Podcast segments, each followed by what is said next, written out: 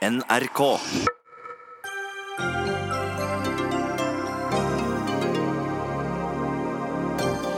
Energipolitikken splitter Arbeiderpartiet. De gikk med på å bli med i EUs tredje energimarkedspakke, med ufravikelige krav, som kanskje ikke var så ufravikelige likevel. Kvinnelige skuespillere har best før-dato, sier skuespiller. Nei, norsk filmbransje er ikke Hollywood, protesterer Produsentforeninga. Og opposisjonen vil ha trevirke som hovedelement i et nytt regjeringskvartal. Tre er det typisk norske, sier Skogeierforbundet. Nei, betong er like typisk norsk, svarer betongindustrien.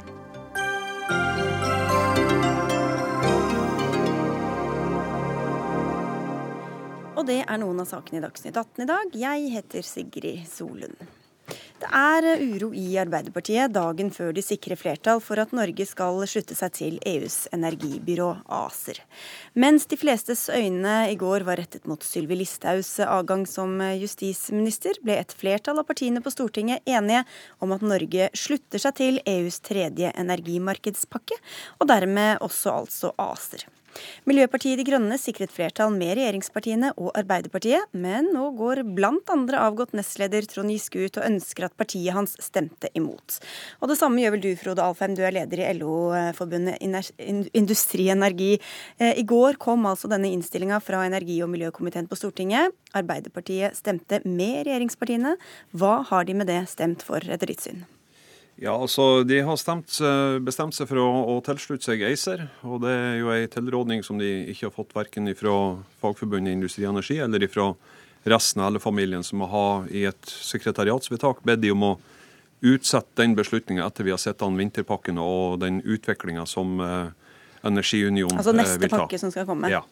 Ja, og hva er, er, hva er, det dere er redde for? Hva er det som er så skummelt og fælt med eh, det er jo, Hos oss er det jo først og fremst eh, hvor hen skal beslutninger om norsk energipolitikk eh, fattes. Eh, og hos oss så er det en frykt for at det her skal gjøre det enklere å vedta flere utenlandskabler altså for eksport av norsk vannkraft til kontinentet. Mm. Og i dette, Et av de sentrale spørsmålene er hva som skal skje med den planlagte omstridte utenlandskabelen North Connect til Storbritannia med private eiere. Hvorfor er dere så negative til, til denne kabelen? Vi har vært negative til kabler i mange år. Helt siden begynnelsen av 2000-tallet så har vi slåss mot uh, flere regjeringer i forhold til den aggressive kabelpolitikken som har vært ført. Og Det er jo nasjonale beslutninger om kabler som har gjort tror jeg, at vi nå har et bredt folkelig opprør mot den nasjonale energipolitikken. Folk stiller seg spørsmål om hvor mange kabler skal vi ha hva det her kommer til å bety for utvikling av kraftprisen. Ja, det, det, det, betyr da at, at, industrien i Norge får høyere kraftpriser? Og vil vi, et folk som bor langt nord i verden, få høyere kraftpriser, altså bare for at noen skal tjene penger på eksport av det her? Else May Botten, du er medlem av eh, den nevnte energi- og miljøkomiteen på Stortinget, sitter her for Arbeiderpartiet. Dere har fått mye motstand også eh, internt. Hva var det som gjorde at dere likevel landa sånn som dere gjorde? Vi har vel hele tida jobba med at vi ønsker å være innenfor eh, det energisamarbeidet som vi har hatt i 20 år. Uh, og samtidig er det viktig for industrien, bare for å ha sagt det. Det å være på innsida av det markedet har vært viktig. Det er 80% av eksportmarkedet til norsk industri er i EU. I tillegg så ønsker vi å høre på alle de uh, innspillene vi har fått av ordførere fra LO, fra egen partiorganisasjon, på de bekymringene som har ligget i forhold til denne saken her. og med den avtalen vi har med regjeringa nå, så har vi klart å flytte høyrepolitikken over på vår side, mener vi. Uh, og det har ikke skjedd uten at vi har fått en sånn avtale. Blant annet så kan vi nå ivareta den bekymringa som ligger i forhold til at det skal bare etableres utenlandskabler uten at Norge har uh, rett å bestemme det. Vi har satt veldig strenge krav for det, og ikke sagt ja til nye kabler. Vi har sagt veldig klart nei til private kabler framover. Eh, og det er ikke noe jeg har vært med å sitte i energikomiteen og bidratt til tidligere, det er andre som har vedtatt. Så jeg mener at vi har vært veldig strenge på det. Samtidig så har vi avklart at vi ikke gir ifra oss suverenitet. Men ja, for det du sier, altså Dere hadde da noen ufravikelige krav. Ja. Fikk dere gjennom alle disse kravene? Det har vi, og det, det har vi jobba veldig mye med. Og det har heller ikke vært en eh, spesielt enkel sak, fordi at det er mange ting vi skulle ha fanga opp i forhold til det LO har vært opptatt av. Mm. Men, men vi, vi, kan prøve å ta tak i bare ett av, et av, punktene som i hvert fall ser annerledes ut nå etter komitébehandlinga. Eh, Arbeiderpartiets landsstyre vedtok et krav om å innhente erfaringer med de to kablene som nå mm. bygges av Statnett, før nye utenlandsforbindelser kan vurderes. Nå står det at det skal gjøres grundige analyser før nye forbindelser kan etableres. Hva betyr det? Altså, Begge deler betyr egentlig det samme. For det som er viktig for oss her, vi har tre premisser for i hele tatt Hvorfor at det skal bygges. Hvorfor ble det endret da, hvis det betyr det samme? Nei, Det er når vi har sittet og skrevet, men vi har òg gått gjennom det med både statsministeren og Høyre og Frp i dag, og vi har helt klar altså Det er ikke noen endringer. Jeg tror på en måte at uh, Altså betydning.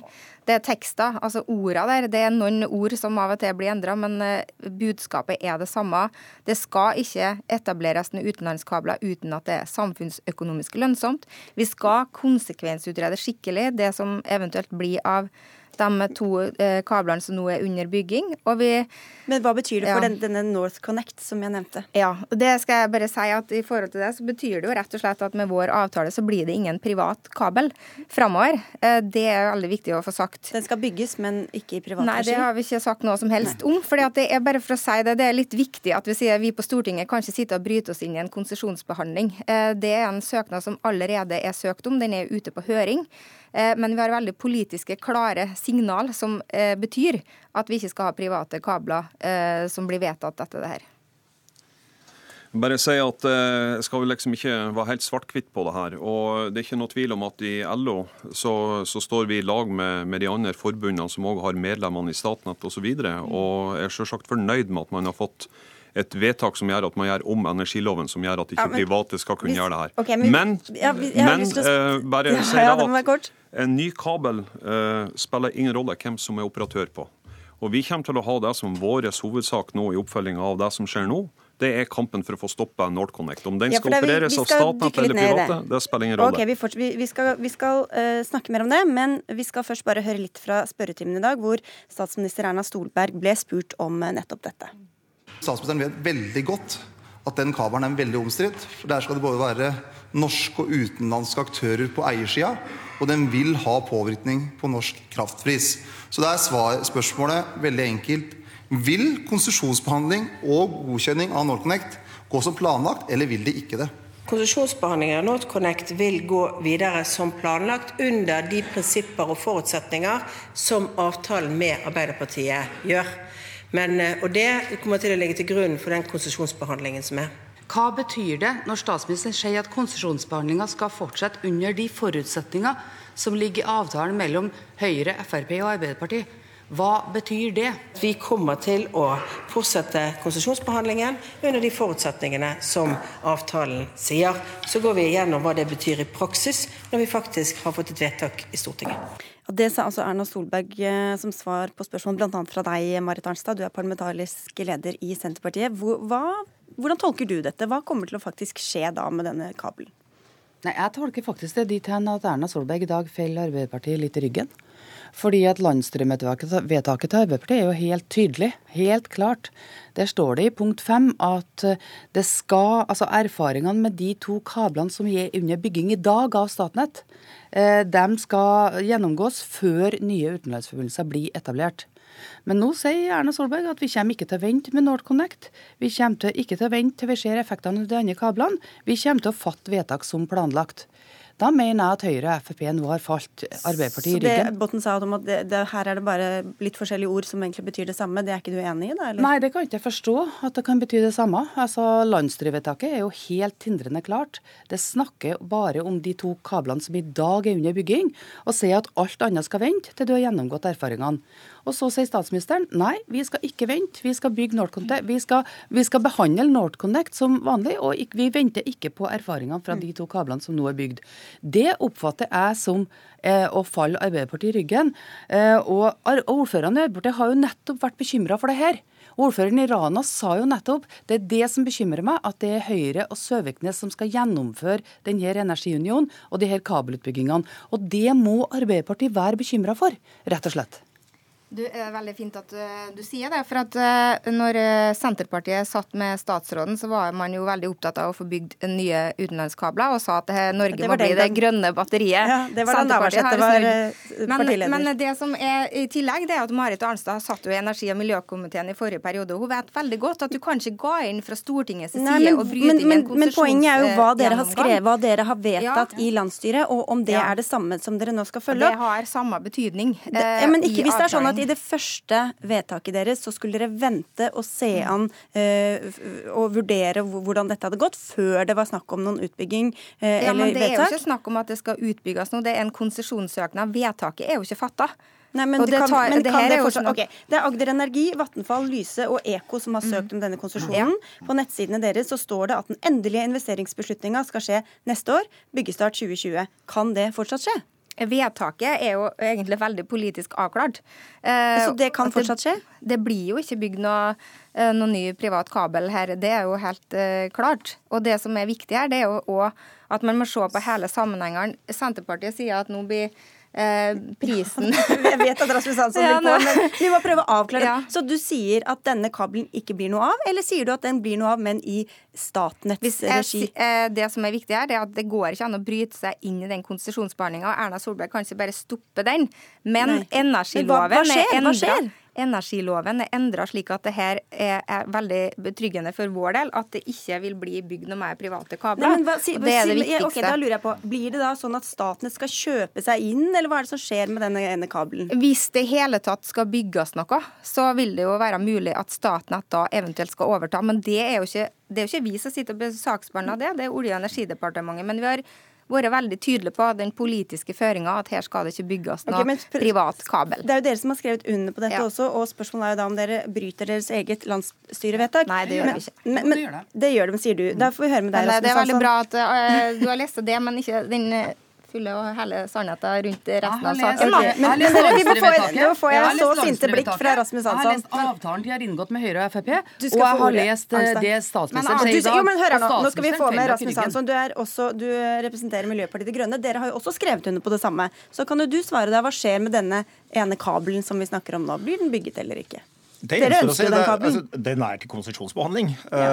Uh, og premissene for den konsesjonsbehandlingen blir nå forandret i Stortinget. fordi premissene blir nå at den skal ikke i privat eie. Og så får vi se hva som er konsekvensen av det. Beslutningen om hvorvidt den blir bygd eller ikke, det uh, gjenstår rett og slett å se. Ja, men Vet så ikke dere heller hva som skjer med dere? Det, dere det er ikke vi som bestemmer hva NVE bestemmer. Heldigvis. Eh, og det skal alle være glad for. Men jeg syns at nå må vi ta, løfte denne debatten til det den egentlig handler om, nemlig spørsmålet om Vi skal ikke gjøre det riktig ennå, skjønner du. Det var derfor jeg venta litt med deg. Så det var det, når du ja, var så ivrig på å komme på, så ja, lot jeg deg komme på deg. Men skal, vi skal, vi skal dvele litt mer ved denne, ved denne kabelen. Enda mer kabel, ja. Men bare for å spørre om det først, Marit Arnstad, for alle som ikke bryr seg så veldig mye om denne kabelen, da. En kabel til eller fra, hvilken rolle spiller det egentlig? Jo, altså jeg tror at for Det første, den er helt nytt at du nå skal få en privat kabel. Det sier han at det ikke skal skje. Jo, men altså, men altså, i to år så har jeg, vi og Arbeiderpartiet kjempa imot det. Ja, det og så er det, jo, er det jo en 1400 megawatt kabel over til Storbritannia, og det kommer i stor grad til å være en ren eksportkabel. Og jeg skjønner godt at mange syns det er stor usikkerhet, usikkerhet knytta til det. Og det er også sånn at denne kabelen er den første i uh, i alle fall EU, Euro, EU, sine planer om at det må komme mer kabler fra Norge. Men mitt, problem, mitt poeng her det er at det å si at du nå skal avvente konsesjonsbehandlinga i NVE, det er ikke det samme som landsstyret i Arbeiderpartiet sa. Og Problemet her er at arbeid, enten så faller Høyre og Frp dere ryggen, eller så bryter Arbeiderpartiet sitt eget landsstyrevedtak. For der står det ingenting om at du skal avvente en konsesjonsbehandling i NVE. Der står det at erfaringene med de to kablene som nå er under bygging, skal gjennomgås før nye utenlandsforbindelser kan vurderes i det hele tatt. Og det er det, det punktet i landsstyrevedtaket som nå blir brutt. Og Jonas Gahr Støre har nå sittet i flere dager og sagt at alle de åtte kravene i landsstyrets vedtak er helt u, u, de er helt ikke mulig å, å, på en måte forbigå. Så hvis det blir konsesjon til dette, da, Botten, hva, hva, hva, har dere da fortsatt deres ord i behold? Ja, det har vi. For vi kommer jo ikke til å gå med på at eh, det skal bygges noen private kabler. og Det ligger jo fast Kabelen i avtalen. kan dere gå med på, men den skal ikke være privat. Jeg har ikke sagt noe om det, for det er ikke jeg som sitter i Olje- og energidepartementet. Men jeg har Nei. lagt klare føringer fra Stortinget. Jo, men, men, da skjønner jeg ikke hvorfor dere hadde et landsstyrevedtak hvor dere sa at dere ikke skulle komme noen ny kabel der. Nei, vi vil jo ikke det. Vi ønsker jo ikke det. Det er jo helt Nei. klart. Men hvorfor vedtok dere det, da, hvis dere, forklare, har, hvis dere, ikke har noe makt over det? Jeg må få lov til å forklare hvorfor vi ikke vil det òg. For at i England så er det helt andre kraftpriser enn hva det er i Norge. Og hvis, vi, hvis, det blir bygd en kabel, det har jo ikke vi sagt at det skal bli sånn, vi er veldig opptatt av at det ikke skal bli, så er det jo sånn at da vil jo prisen eh, kunne bli dyrere. Og det som på sikt kan eh, skje i England, det er jo at vindkraftproduksjon tar over mer i forhold til kull. Og kullkrafta er veldig dyr. Det er derfor prisen er dyrere der. Så Derfor så er det jo viktig at vi nå får eh, at vi nå klarer å være tydelige på at vi ikke ønsker en kabel, og at vi ikke ønsker å ha en privat kabel som skal gå av der. Men det er mulig at Arbeiderpartiet ikke ønsker det, men nå overlater de den avgjørelsen til Høyre og Frp. Nei, og jeg, hvis jeg hadde vært i Arbeiderpartiet, så hadde jeg ikke stolt Jo, de gjør det i konsesjonsbehandling i Olje- og energidepartementet med Høyre og Frp. Nå må Arbeiderpartiet tenke seg om. Altså, Hvorfor kan de ikke følge LO-ledelsens ønske om å utsette denne saken og få en bedre oversikt over det de sjøl har vedtatt, og også det Stortinget kommer til å vedta i morgen? Det må være mulig å vente og få en bedre klarhet i denne saken.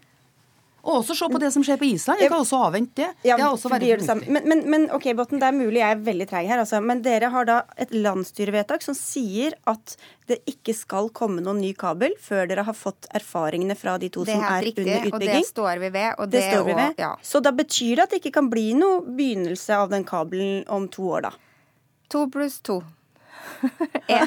liksom, her, ja. det, betyr det, det betyr det at det ikke blir noen kabel? Nei, altså, her er det jo litt sånn at du kan ikke bryte inn i en konsesjonsbehandling, men resultatet er for så vidt ganske gitt eh, politisk. Men, I dag ja. sier statsministeren i stortingssalen vi kommer ikke til å vente med NorthConnect til vi ser effektene av de her andre kablene. Vi kommer til å fatte vedtak som planlagt. Det sier statsministeren. Det er noe helt ja, annet. Hun sier ikke hvilket vedtak som hun kommer til å fatte. Og forutsetninger for å bygge den kabelen er nå forandret. De selskapene som er med på den utbyggingen, har åpenbart ikke fått retta opp hjemmesidene sine enda. De har noe snakking på kammerset å gjøre. Og hvordan, det, og hvordan dette prosjektet blir seende ut når premisset er at det skal være statlig eierskap, det gjenstår å se. Høyre og Frp og... ønsker seg flere kabler. Okay. EU har allerede gitt 10 millioner euro i støtte til den kabelen. Men, men, men Rasmus Hansson, er det vi tror. Okay, kan vi komme over til å snakke om ja, ja, ja, okay, Hva er positivt med dette, da? Denne kabelen og andre kabler og hele er, systemet? Det denne saken handler om Vi har snakket om det mange ganger, da, så vi har vært inne på dette sporet tidligere. Store uh, videreføring av det europeiske prosjektet for å gjøre Europa fritt for kull, olje og gass og legge til rette for at Europa kan gjennomføre sitt mål, og Norge gjennomføre sitt mål, og bli 100% fornybart. Derfor er dette et stort og kjempeviktig klimaprosjekt som det er veldig viktig for Norge å være med på pga. norsk klimapolitikk, pga. norsk miljøpolitikk, pga. norsk næringspolitikk. Og Det er det denne diskusjonen må handle om. Ikke detaljer om hvorvidt norske strømpriser kommer til å gå litt opp eller litt ned. Det er nemlig veldig mange andre ting enn kabler som kommer til å avgjøre masse faktorer i EU, helt uavhengig av norsk deltakelse i energimarkedspakka. Eh, og Norge tåler for øvrig godt litt høyere kraftpriser. For da kommer vi til å kunne realisere litt av det enorme innsparingspotensialet som vi har. Som f.eks. betyr at vi ikke behøver å bygge ut norsk natur. Men så sa vi, du skal få ordet, så vi skal bare dvele litt ved det her også. fordi så, så, ble det jo nevnt tidligere at Senterpartiet før har snakket om Norge som et grønt batteri. Hva syns du om siden Senterpartiet har valgt ståstedet de har valgt nå? Altså, Senterpartiet er først og fremst norsk naturs dårligste allierte. Eh, kampen om norsk natur for alle de som er bekymret bekymret om effekten av norsk natur av å bli med EU på dette eh, videre klima- og fornybarprosjektet. Den kampen står i Stortinget. Den står mellom Miljøpartiet De Grønne på den ene siden og uh, Senterpartiet på den andre siden, som gjerne vil bygge ut og ødelegge så mye som overhodet mulig. Der står kampen om naturen. Den kampen kan vi holde oss til det, dette temaet? Det er dette temaet handler om, fordi at det gjøres et så stort poeng av at det å slutte seg til tredje energimarkedspakke skal være en trussel for norsk natur. Fryktelig mange av de som hører på dette programmet, er bekymret for det. Svaret er den kampen, den står i Stortinget. Den står ikke i Brussel. Og kampen for en så fortsatt god nasjonal kontroll, er det du sier? Vi, gjennom denne, slutte oss til denne pakken, så kommer vi til å ha full kontroll over norske vassdragsressurser, over norske kabler, over norske øh, kraftledninger, over norsk øh, kjøringsregime. Dette bestemmer vi på Stortinget. Men okay. det vi ikke bestemmer på Stortinget, det er totaliteten i utviklingen i europeisk, det europeiske energimarkedet og klimapolitikken. Det er det viktig for Norge å være med på.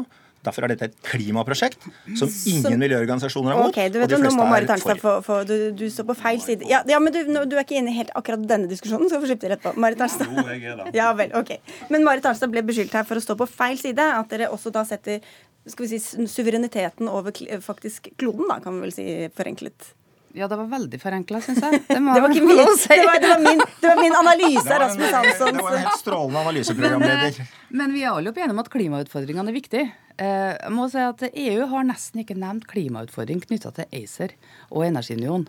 Og når det gjelder proposisjon, så er det nesten ikke nevnt klimautfordringer i den proposisjonen regjeringa har lagt fram om denne saken her. Men jeg erkjenner at klimautfordringene er en av de viktige sidene her som du må drøfte. Og jeg er enig, jeg, Hvis jeg får lov å fullføre resonnementet. Jeg er enig i at, klima, at kraftutveksling også kan være viktig når det gjelder å regulere uregulerbar kraft mot regulerbar kraft. Men norsk kraftpolitikk har bestandig balansert ulike hensyn. Det er hensynet til klimautfordring, hensynet til forsyningssikkerhet, hensynet til norsk industri som skal produsere norske varer. Det er hensynet til kraftbransjen. Det er flere hensyn. Og i den balansen så må du ta flere hensyn. Og det er der vi gir ifra oss suverenitet nå, over til ACER og RME. Der vi på en måte ned. mister muligheten til å foreta den balanseringa vi har gjort gjennom 30-40 år, som jeg mener har vært fornuftig. Der, der skjønner jeg dere er veldig uenige om hvorvidt vi gjør det, men da prioriterer dere klimabiten ned foran Vi prioriterer andre. at du fortsatt skal kunne balansere de ulike hensynene i norsk kraftpolitikk, sånn som du også har gjort tidligere, og som vi mener har vært veldig stor, til veldig stor fortjeneste for det norske samfunnet. Da må slippe de stakkars Alfheim her. Ja, det er jo sånn at man prøver å vri denne diskusjonen over. Altså, det folk er opptatt av nå, det er hva det er som skjer med, med kablene som er under bygging, og hva det er som skal skje med kraftprisen i Norge. Vi bor i Norge, vi bor rett under Nordpolen, vi har en hard vinter, og folk er opptatt av hva det er som skjer med kraftprisen. Da beklager å si det, klimadebatten er underordna. For oss så er for oss, for oss, jo, jo, det er rene ord for pengene. Strømpris. Altså noen sånn øre er viktigere enn en klimaviten. Det, det dere har satt i gang, og det er dere alle tre egentlig mer skyldig i. Det er for det er dere, den nasjonale beslutningen som skapte den usikkerheten hos folk om hva som skal skje med strømprisen.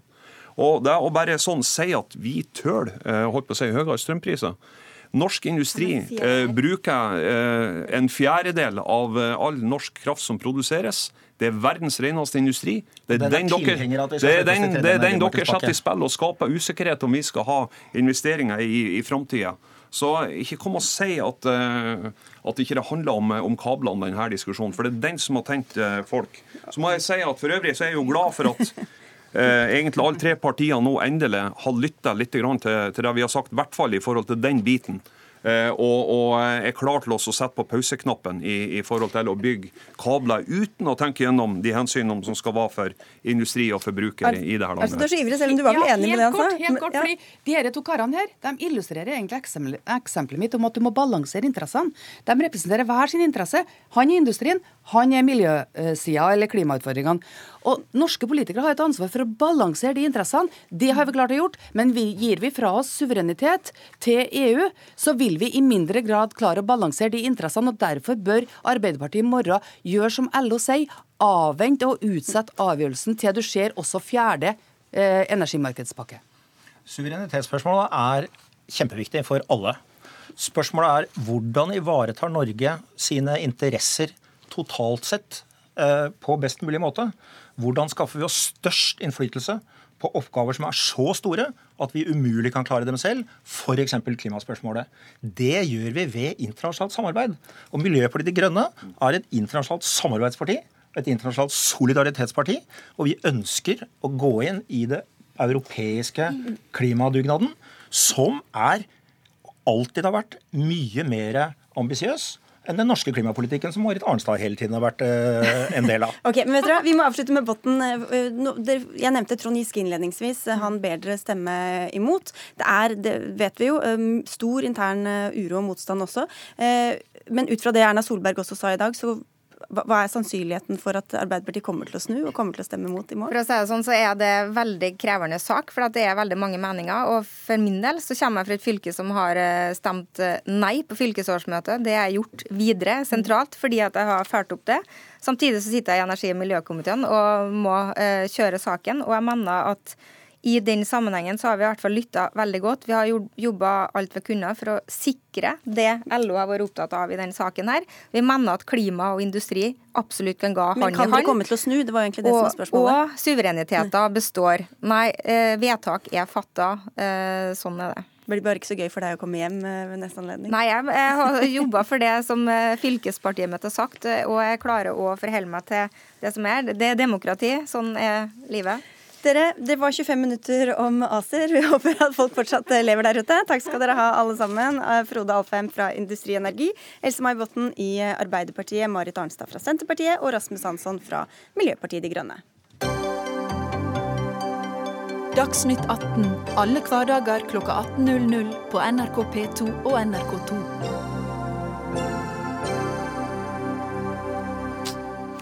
Fra nyttår og fram til i dag har regjeringa og KrF kalkulert med at det har rent inn 242 millioner kroner i sukkeravgift. I løpet av året skal denne avgiften ha bidratt med over en milliard kroner i statskassa. Men lar nordmenn dermed være å kjøpe så mye godteri og brus, eller setter vi oss i stedet i bilen og kjører østover? Nye tall fra SSB viser nemlig en voldsom vekst i grensehandelen. Petter Haas Brubakk, du er administrerende direktør i NHO Mat og Drikke. Tallene fra SSB går bare fram til nyttår, men hvor stor har økninga vært eh, de siste månedene og året? Foreløpig er det for tidlig å si hva som har skjedd i 2018, men uh, veksten de siste årene har vært uh, veldig sterk. Og fra 2016 til 2017 på nesten 10 uh, det betyr at vi nå har en uh, grensehandel som er blitt formidabel, og som fører til at uh, norske arbeidsplasser svekkes, norsk verdiskaping svekkes, og at avgiftskronene kommer i Sverige istedenfor. Men det hadde altså ingenting med sukkeravgiften å gjøre? Nei, avgiftsnivået var jo mer enn høyt nok, og altfor høyt som det var, før vi fikk avgiftssjokket i statsbudsjettet for 2018, og hvor altså 2000 nye millioner i avgiftskroner skulle tas inn, og det fikk altså bedriftene fem ukers varsel på å forberede seg på. Og Dette er heller ingen sukkeravgift, dette er restene av avgifter fra 20-tallet på luksusgode, på kullsyre og på sjokolade. Og det treffer både sukkerholdige og ikke-sukkerholdige ja, produkter. Kan vi kalle det søtsaker, da, eller selv om det er slanke, slankeprodukter, eller hva vi skal kalle det. Men eh, Helge André Njåstad, du andre nestleder eh, og sitter eh, i, i Stortingets finanskomité. Du representerer Fremskrittspartiet. Hva var det dere lovet? Lovet igjen når det gjaldt grensehandel eh, før dere kom inn i regjering? Nei, For Fremskrittspartiet så er det jo ingen hemmelighet at vi vil ha lavere skatter for folk flest. Vi vil ha lavere avgifter, nettopp for å styrke norske arbeidsplasser og sikre at eh, verdiskapningen skjer i Norge. og at eh, at norske forbrukere legger igjen pengene i norske arbeidsplasser og betaler skatt til Norge. Så Det er derfor vi går til valg som et parti som vil redusere grensehandel, som vil gjøre det mer konkurransedyktig å være i Norge. Eh, og så handler jo politikk om å finne kompromiss. Eh, og når ikke det er tilstrekkelig nok andre partier som er tilhengere av å sette avgiftene så mye ned som Fremskrittspartiet vil, så må man finne andre løsninger. Ja, Så da brøt dere de løftene? Nei, vi brøt ikke løftene. Vi har jo kjempa for å redusere skatter og avgifter alltid. Og vi har jo fått til masse. Vi har jo redusert skatter og avgifter i Norge med over 20 milliarder på vår vakt. Eh, så det er jo ikke sånn at, at vi ikke har innfridd. Men på noen områder så har man måttet gitt for å få på andre områder. Og her fikk KrF en seier som Fremskrittspartiet og, og Eh, Høyre likte veldig dårlig, og og vi ser konsekvensen av nå med at grensehandelen øker. Ja, eller vi vet jo ikke det, for de tallene viser jo ikke Jo, vi ser, ser, jo da at eh, er vi og handler, så ser vi jo at de som jobber på butikken, bærer store brett med cola som okay, Så, så, så vi, vi forskning viser at Vi trenger ikke vente på forskningen for å se at, at, forbrukerne finner andre måter å få tak i produktene på. og da er, jo nettopp derfor vi i Fremskrittspartiet alltid har advart mot å ha høyere avgift i Norge enn andre land. Men uh, sett bort fra de eh, folkene man ser som bærer cola colabrett, uh, Brubakk, så er det jo ikke disse tallene brutt ned på nøyaktig hva det er vi kjøper. Så vi vet ikke om det er en hårføner eller om det er uh, smågodt vi har vært og handla i Sverige. Nei, men vi vet ganske godt at det som drar grensehandelen er bl.a. Uh, alkoholfrie drikker, brus, og det er godteri, altså sjokolade og sukkervarer. Det er, er, godt kjent. og Vi vet at lokkevaren er viktig for å få uh, forbrukerne over grensen. Og vi er helt sikre på at når vi får et avgiftssjokk i den størrelsesorden vi fikk før jul, altså 42 og 83 økninger i avgiftene, avgifter som har økt jevnt og trutt på Siv Jensens vakt, og altså fikk en sjokkøkning i fjor, det vil få konsekvenser for norske arbeidsplasser, for verdiskapingen og hvor nordmenn handler. På toppen av det hele har vi jo altså en avgiftsfri netthandel i Norge, hvor du for inntil 350 kroner kan handle uten å betale moms, uten å betale disse særavgiftene. Og du får det hjem på døren. Og det ser vi også på annonsering og på markedsføring. Den type handel eksploderer. Du får en advarsel når du passerer 350 kroner, slik at du passer på at du holder deg innenfor den avgiftsfrie grensen. Og Det betyr at avgiftsfri handel, grensehandel, det er nå et fenomen i hele Norge på disse produktene. Og det er klart, Over tid er det helt umulig for de norske produsentene og for norsk varehandel å konkurrere med et avgiftsnivå som er så skyhøyt forskjellig mellom to land som er så ellers like. Vi skal høre med deg, Njåstad. Du var ikke helt med på at det var løftebrudd. Nå sitter jeg med noen sitater fra valgløfter fra 2012 og 2013. Du har kanskje ikke så lyst til å høre dem? Men... Jo, jo, jo. Nei da, det var Ulf Leirstein lovte å redusere avgiftene for å hindre grensehandel. Det Høres jo litt ut som løftebrudd, i hvert fall? eller? Jo, men valget i 2013 gav jo ikke Fremskrittspartiet 51 eh, Hadde Nei. vi fått 51% og stilt opp i Dagsnytt 18 i dag og ikke levert, eh, så hadde jeg vært enig i at det er et løftebrudd. Eh, men med våre 16,3% og nå 15,2 Dere går jo med på det, da? Regjering? Jo, men alternativet er jo ikke at, at det er kun den som Da hadde det blitt vedtatt Arbeiderpartiet og Senterpartiet sine skatteopplegg, så hadde det vært mye verre for norsk næringsliv. ok, Men det, det, det, er to ting her. Det ene er jo da denne sukkeravgiften, ja. og så blir det også nevnt denne tollgrensen, altså hva man kan importere. Eh, og Da sa Siv Jensen, jeg har funnet flere sitater her, at mm. dere egentlig skulle få på plass doblede tollkvoter med en gang dere var inne i regjeringskontorene. Men hva slags grensehandel hadde vi fått da? Hvordan hadde det slått ut for norsk næringsliv? Eh, hvis man hadde satt grensa til 1000 eller eh, Nå ble jo kompromisset 350 kroner. og Da, da handler jo om at forbrukerne skal kunne handle småvarer på Men, men du var jo bekymret for norsk næringsliv? Jo, men jeg er òg bekymra for norske forbrukere. og det, Dette er småhandel som de kan gjøre uten å få et stort gebyr for at eh, Posten skal håndtere tollbetaling. Eh, så Det er en forenkling for forbrukerne. og Det må ikke bli sånn at, eh, at vi skal svare denne debatten med å ta ifra forbrukerne den muligheten til å kunne handle små elektronikk eh, på, på nettet. Eh, så da blir det en, en avsporing å på en måte gå på forbrukerne. Eh, løsningen på dette må jo være at vi må se på avgiftssystemet, sånn som Danmark har gjort. Eh, de har tatt på alvor at de ligger nærmt Tyskland og at de har en utfordring. Og da blitt enige om å sette ned avgiftene både på alkohol og andre lokkevarer.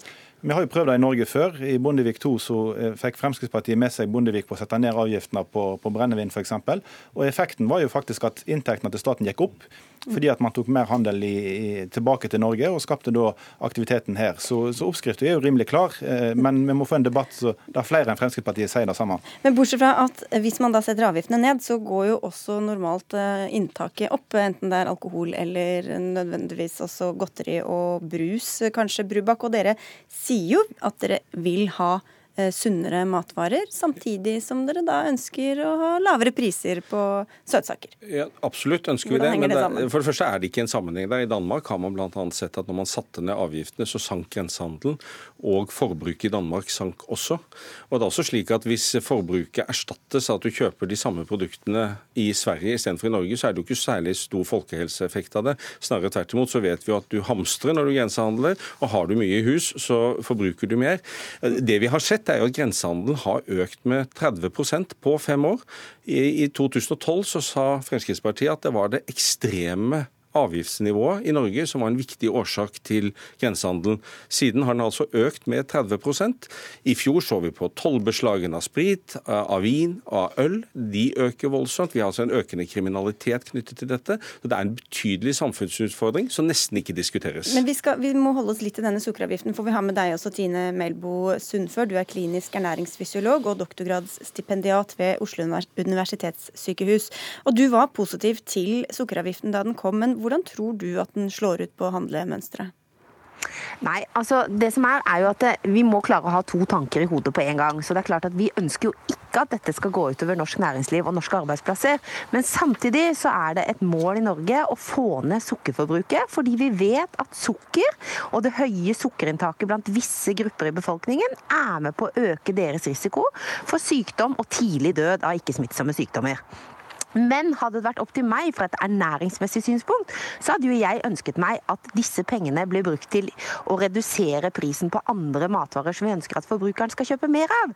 At man f.eks. fjernet moms på frukt og grønnsaker, fisk, magre meieriprodukter osv. Og, så og da kunne vi kanskje opprettholdt disse arbeidsplassene i Men Norge. Da går ikke budsjettet opp, vet du. Jo, men vi kunne jo Nei, altså, men da må du ta inn andre avgifter. Men altså at du kunne vridd handlemønsteret til forbrukeren, det er jo det ønskelige ut fra et ernæringsmessig synspunkt. Og så må man jo se på totalen hvor man skal da ta inn disse skattene og avgiftene fra. Men sånn sett så forstår jeg den at man ønsker at dette skal, skulle gjerne vært med på å gjøre sunne matvarer billigere.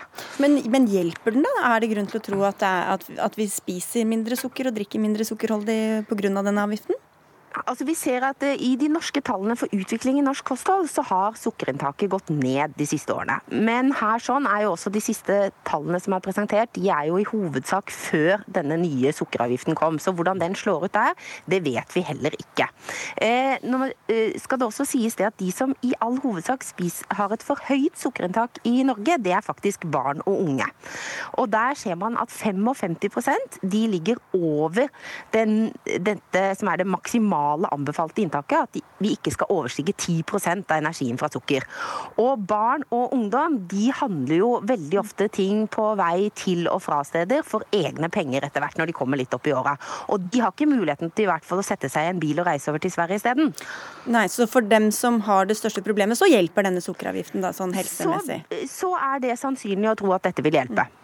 Nei, Nå rister du på hodet her, eh, Brubakk. Ja, Det tror jeg virkelig ikke. For det første er denne, Vi må bare være helt klar på at denne avgiften eksisterer av én grunn. eller Disse avgiftene er for å skaffe staten penger. De er ikke utformet og har ingen Det var fint å kunne vise til helseeffekten da den ble innført. Vi har aldri... I hvert fall forhåpninger om den. Nei, vi har aldri hatt noe tro på at denne avgiften ville ha noen betydning for folkehelse. Men fra dem som kom med den, så var det vel et argument? Ja, det har vært så mange begrunnelser for hvorfor denne avgiften kom, at uh, vi forholder oss til at denne avgiften dreier seg om å skaffe penger til staten. Den har ingen utforming som har noe med helse i det hele tatt å gjøre. Og de, i den grad ungdommene ikke reiser til Sverige i bil, så kan de sette seg bak PC-en og bestille produktene på internett, de som alle andre. Jeg tror vi bare må innse Det var ikke det som var forbruksmønsteret ifølge Sundfør her, men At de ikke kjørte bil til Sverige. Men jeg tror ingen har lagt frem noen dokumentasjon som tyder på at disse avgiftene har noen betydning for folkehelsen. Vår antakelse er snarere tvert imot. Dette betyr at vi kjøper mer enn vi trenger, og vi spiser mer og drikker mer enn vi trenger, okay. Eh, fordi vi rett og slett hamstrer. Ok, Njåstad, var det, var det liksom eh, en, en begrunnelse at det var eh, helseeffekter også i det? Eller? Ikke fra, fra oss. Som landet et totalbudsjett, så var det for å få budsjettet til å gå i hop. Ja. Men KrF som kom med forslag, hadde jo et folkehelsebegrunnelse. Arbeiderpartiet som òg gikk inn for dette med å øke momsen, hadde vel et folkehelsebegrunnelse. Og Kjersti Toppe i Senterpartiet har òg snakket masse om folkehelse og gjøre disse produktene dyrere.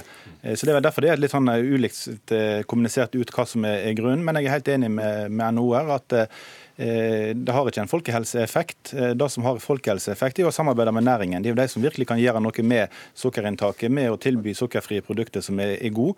Og vi vet jo alle, vi skal ikke drive reklame, men både Coca-Cola Zero og Pepsi Max er jo nye, gode produkter som har bidratt til å redusere sukkerinnholdet fordi at, eller sukkerforbruket fordi at man velger gode alternativ som er sukkerfrie. Ok, Sundfør, Da kan du få 20 sekunder på slutten her til å komme med både oppfordring til politikeren og NHO her om hva de burde gjøre, da.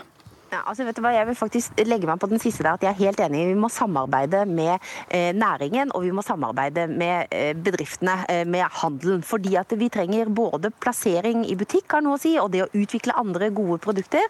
Samtidig så ønsker jeg også at vi skal se på hvilke effekter. Vi må jo først vurdere. Får det folkehelseeffekt å ha den sukkeravgiften, eller gjør det det ikke? Mm. Ok, dere. Vi får si takk i denne omgang og vente på tallene når de kommer fra grensehandelen etter at sukkeravgiften har fått virke en liten stund. Takk skal dere ha, Helge André Njåstad fra Fremskrittspartiet, Tine Melbo Sundfør, som altså er ernæringsfysiolog, og han, Petter Aas Brubakk i NHO.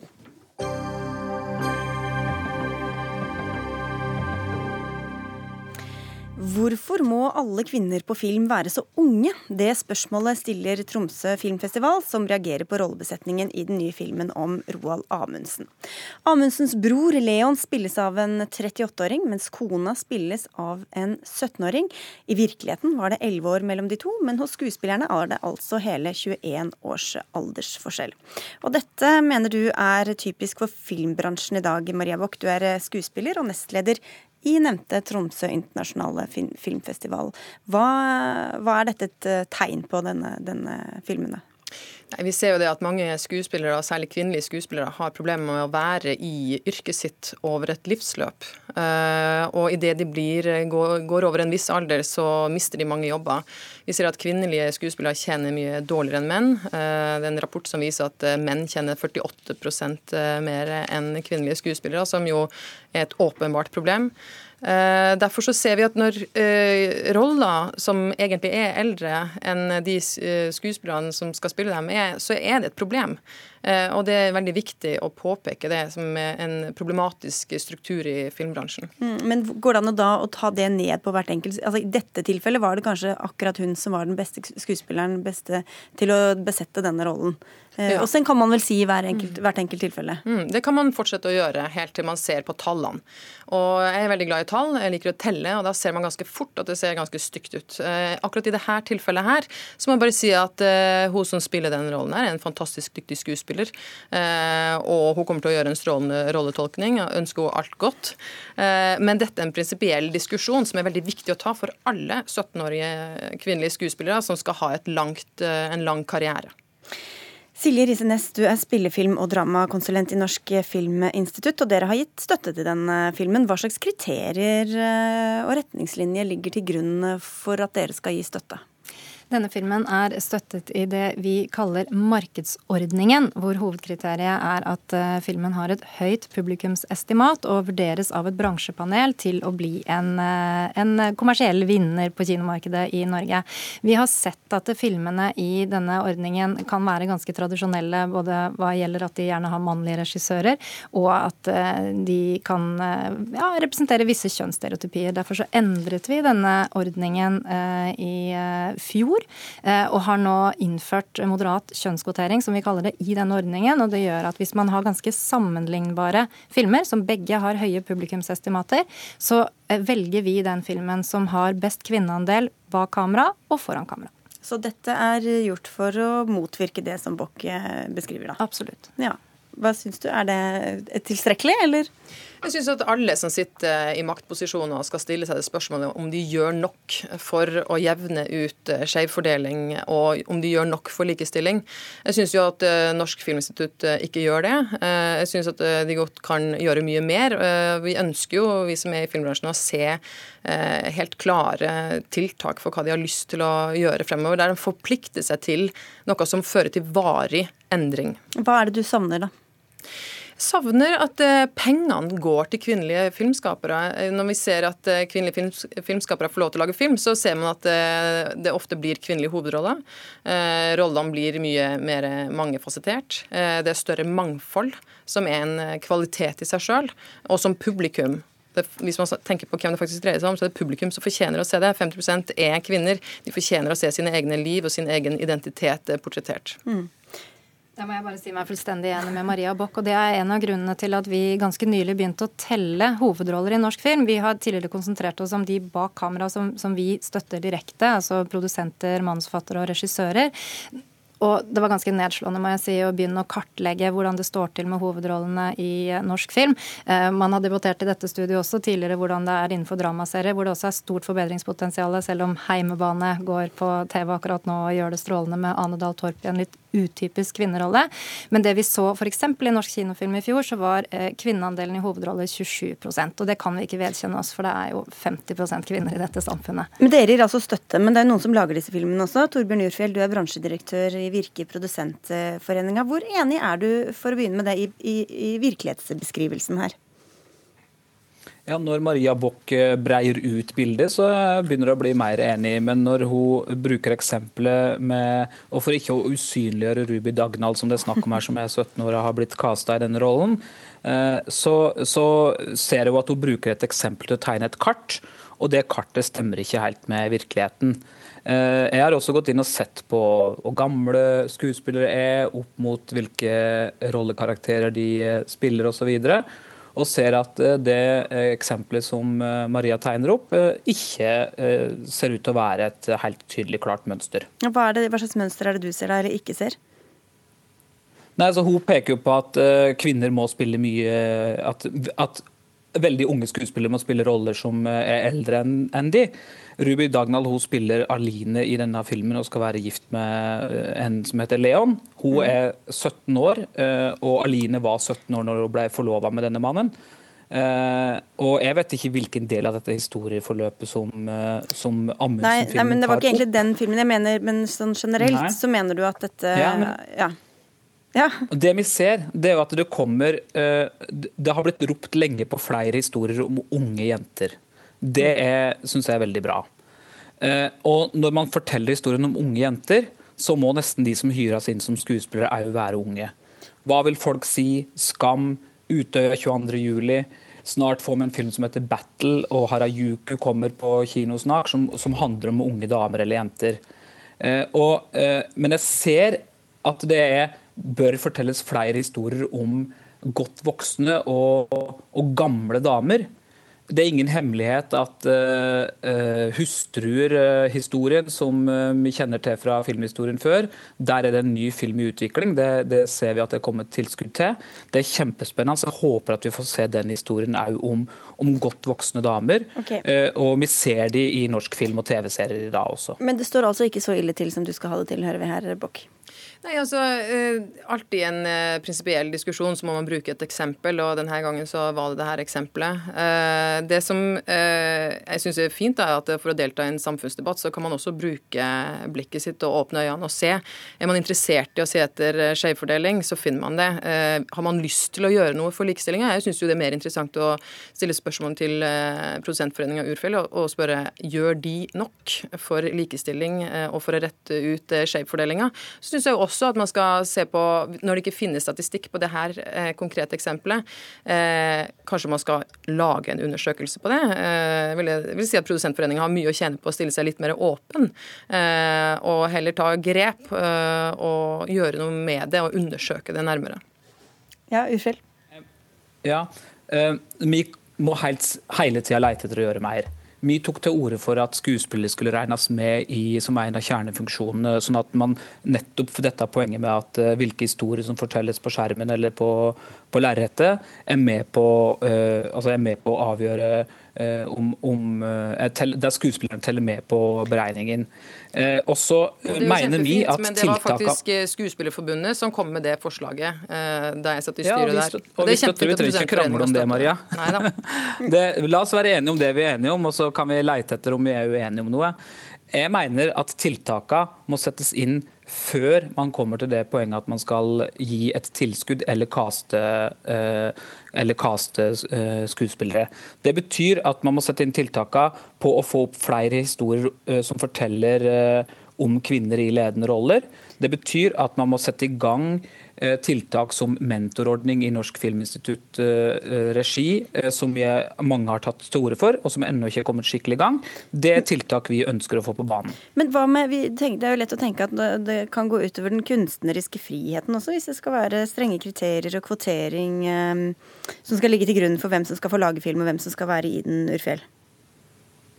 Ja, Vi ønsker ikke at det skal være for mange uh, som skal uh, bestemme uh, over regissøren og produsenten ifølge hvilke valg de skal gjøre, men vi kan gjøre noe med strukturene.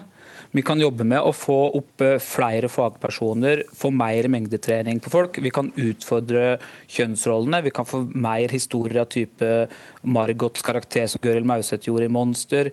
Eh, det er gledelig at vi får flere voksne kvinner. Eh, og vi ser kanskje at TV-serien går foran og forteller litt andre historier enn det spillefilmen har gjort. Og kanskje spillefilmen kan smitte av det. Ja, jeg syns jo eh, det er kjempefint, og det er veldig bra. Eh, alt er veldig bra. Når man ser på statistikken, så går den nedover. Eh, og man ser også på kvinneandelen. Hva går nedover? Nei, tallene. Men hva spør du om, Maria? Ber du oss be det du, det du, konkret har bedt om til nå, Maria, det er jo at uh, Ruby Dagnall er for ung til å spille uh, i denne filmen. Dette er jo en typisk ting som man gjør når man har lyst til å kvele en diskusjon om likestilling. Det er å prøve å sette kvinner opp mot hverandre uh, og si at jeg har noe imot Nei, en kvinnelig skuespiller ikke, på 17 år, er jo helt Det sier noe om argumentasjonen din, Torbjørn, i større grad enn det sier noe om min begrunnelse for å ta opp det her temaet. Jeg ønsker alle 17-årige unge kvinnelige skuespillere det absolutt beste, og det jeg jobber for og kjemper for, er jo at vi, kvinner skal ha et langt livsløp og kunne være i karrieren lenge. Når man ser på premierefilmene i 2017, så er 30,8% med kvinnelige filmskapere. Det er nedgang fra 2016. Ser man på de filmene som hadde premiere, så av 27 filmer så er det seks med kun kvinnelige hovedkarakterer. Dette er altfor dårlig. Men da sier Urfeld, hva er det du ber om? Hva er det de faktisk kan gjøre da? Det jeg ber om er eh, at eh, de som sitter på makta, eh, ønsker, uttaler og gjør noe for å uh, forplikte seg til en, noe som fører til varig endring. Uh, vi sitter jo her og diskuterer dette her på 18 året. Er det ingen som blir lei av de som har makt, og som vet at de kan gjøre noe? Uh, jeg som enkeltaktør som skuespiller eh, syns dette er et veldig viktig tema. Eh, og de som sitter på makta bør stille seg sjøl spørsmålet har de gjort nok for likestilling innen norsk TV og film. Da kan jeg svare for Norsk Filminstitutt at eh, vi har ikke gjort nok. Vi er ikke fornøyd med statistikken fra fjoråret, og vi innførte en handlingsplan i 2016 som vi nå begynner å se resultater av. og Produsentforeningen og Torbjørn Ufjell skal få slippe å svare for det alene. Eh, et av eh, de tiltakene vi nå har gjort som vi mener begynner å vise effekt, vi mener å kunne se det i søknadsbunkene uten at vi kan presentere gjennomarbeida statistikk på det foreløpig, er at når vi gir minimum minimum 50 eh, av utviklingstilskuddene våre til prosjekter med god kvinneandel, så ser vi en endring i de prosjektene som finner veien fram til produksjonsstøtte.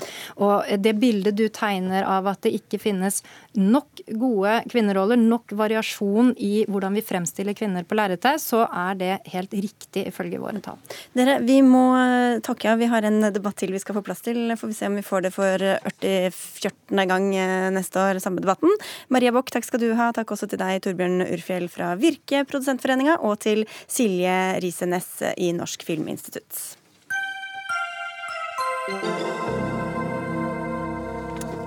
Skal tre være det viktigste materialet når det nye regjeringskvartalet skal bygges? Ja, mener opposisjonen på Stortinget, som vil bruke tre både av miljøhensyn og fordi det kan bli et prakteksempel på norsk byggeskikk. Det blir selvsagt med stor, mottatt med stor begeistring i skogindustrien, men kanskje ikke like mye hos deg, Jon Eirik Reiersen. Du er daglig leder i bransjeorganisasjonen Betongelementforeninga. Hvorfor er det dumt å peke så tydelig på tre som et hovedmateriale? Vi er selvfølgelig enig i at uh, regjeringskvartalet skal fremme klimavennlige løsninger og bidra til norsk utvikling, utvikling, av norsk teknologi og generere nye spennende produkter og funksjoner i bygg. Uh, og at livsløpsperspektivet skal legges til grunn for uh, de vurderingene som gjøres. Men vi er uenig i at det forslaget at målet kan bare, bare, kan nås ved å velge tre som hovedmateriale i bygget. Eh, I høringsnotatet som vi leverte eh, sist fredag til Stortinget, så sier vi ikke at betong skal være hovedmateriale. Det er ikke det som er vårt anliggende. Men vårt anliggende er at det må være like konkurransevilkår, og at man må konkurrere over funksjon. Altså funksjoner som miljøytelser, klimagassutslipp, eh, effekt altså varighet, estetikk, våpenvirkninger, evne til å ta opp våpeneksplosjoner osv. Ja. Som Hvis vi begynner med dette første med miljø, da, da er det jo sånn at betongindustrien står for hva er det, 4-5% av eh, CO2-utslippene i, i verden. Hvilke fordeler har betong foran tre, mener du? Eh, fordelene som betong har framfor tre, eh, er det at det er bestandig, det varer veldig lenge. Og det har veldig stor eh, krever veldig lite vedlikehold over, over tid. Mm. Det er det ene. Men selvfølgelig så, så er det utslipp forbundet med produksjon av betong. Men til gjengjeld så tar betongen opp CO2 i livsløpet, altså når den står der i 100-200-300 år. Eh, og når man tar og eh, river betongkonstruksjonen og resirkulerer det materialet, altså det, det, som er rivningsmassen, så kan man bruke det i nye konstruksjoner, nye betongkonstruksjoner, og tar det opp enda mer CO2. Ja, Så i det lange løp er det ikke så ille? I lange løp er det ikke så ille. Bare vent noen hundre år. Erik Landstein, du er administrerende direktør i Norges Skogeierforbund. Eh, hvor mye av det nye regjeringskvartalet bør være av tre, syns du? Det er jo ikke mulig å si nøyaktig hvor mye det skal være, men det er klokt å si at, eh, som stortingsflertallet nå sier, at en vesentlig del av dette eh, bygget eh, skal være i tre. Fordi vi vet at selv om norsk betongindustri gjør en kjempejobb for å gjøre betongen mer miljøvennlig, og der er de faktisk blant de fremste i Europa og i verden, så er fortsatt tre, som baserer seg på at vi gjennom fotosyntesen binder karbon fra atmosfæren inn i trestokken, og så bruker den bare ved å liksom skjære den til veldig mye mer klimavennlig. Så eh, dette er jo en industriell global trend. Vi må bygge mer eh, med lavere miljøbelastning. og Da sier Stortinget vi ønsker at eh, vi skal lage et referanseprosjekt som er virkelig bra klimamessig, og på den måten også bygge kompetanse i norske eh, bedrifter, sånn at vi bygger eh, industriarbeidsplasser som kan betjene dette okay. markedet. Så 1-0 til 3 på miljø, vil du si der, da? Eh, jeg, jeg mener det. Det er okay. Men, ja, vesentlig, vesentlig, bedre klimamessig. Men så er det bl.a. ifølge Nasjonen så advarer landbruksministeren mot den så stor trebruk, og sier at du mangler kompetanse. Altså Hvorfor ta sånne sjanser når vi vet hvor bestandig og fint dette betongbyggene kan være? og, og, og å bygge så stort i tre? Ja, altså, eh, Jeg er helt enig med eh, ministeren i at vi må passe på at vi gjør ting skrittvis og at vi har kompetanse. Men jeg eh, tror at han kanskje ikke har fått med seg hvor fantastisk utvikling som har vært på dette feltet de seneste årene. og Eh, akkurat som betongindustrien i Norge er blant de beste, så er vi på trebyggeri også eh, blant de beste i verden. Vi har bygget verdens eh, lengste takspenn. Vi bygger store trebruer. Vi bygger verdens høyeste trehus i Norge. Nå reiser det seg ved Mjøsa. Det er 81 meter høyt, 18 etasjer. Og Moelven, som leverer mye inn til det, bygget, sier vi kan klare å bygge dobbelt så høyt, 150 meter høyt. Sånn at her har det vært en rik rivende utvikling eh, de siste årene. Hva sier du, Reiersen?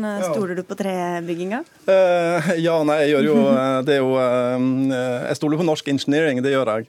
Uh, når det gjelder Mjøstårnet, som du nevnte her, da, så er det jo veldig interessant at det, det, blir, det blir, helt garantert et arkitektonisk ikon ved Mjøsa. Det, det, gjør det. De syv øverste etasjene er betongelementer, sånn at vi vet det. Så det, er en hybridbygning.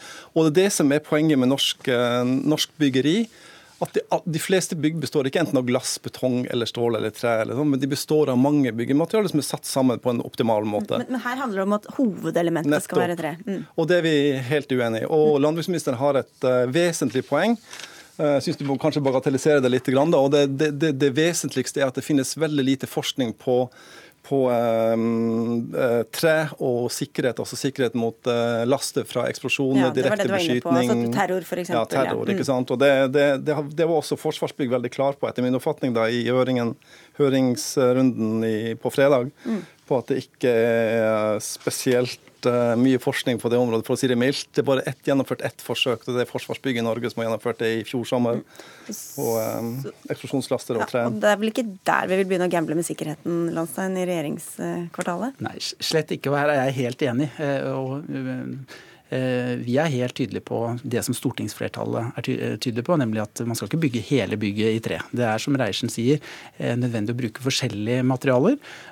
Og her vil betong og stål og glass selvfølgelig være kjempeviktig også i dette bygget. og eh, det er slik at Hvis man kombinerer tre med andre materialer, så er det grunn til å tro at det vil kunne gi eh, en veldig god sikkerhet. Men her er det jo selvfølgelig nødvendig at de som er fagfolk, går nøye gjennom dette. For eh, gamble med sikkerheten, det kan vi ikke gjøre. Men det vi ønsker, det er jo at altså, vi har en regjering som har vært kjempeflinke, og en statsråd i forhold til å effektivisere næringslogistikk, veldig framoverlente. De sier dette skal vi få til. De har gjort ting som gjør at vi sparer masse penger.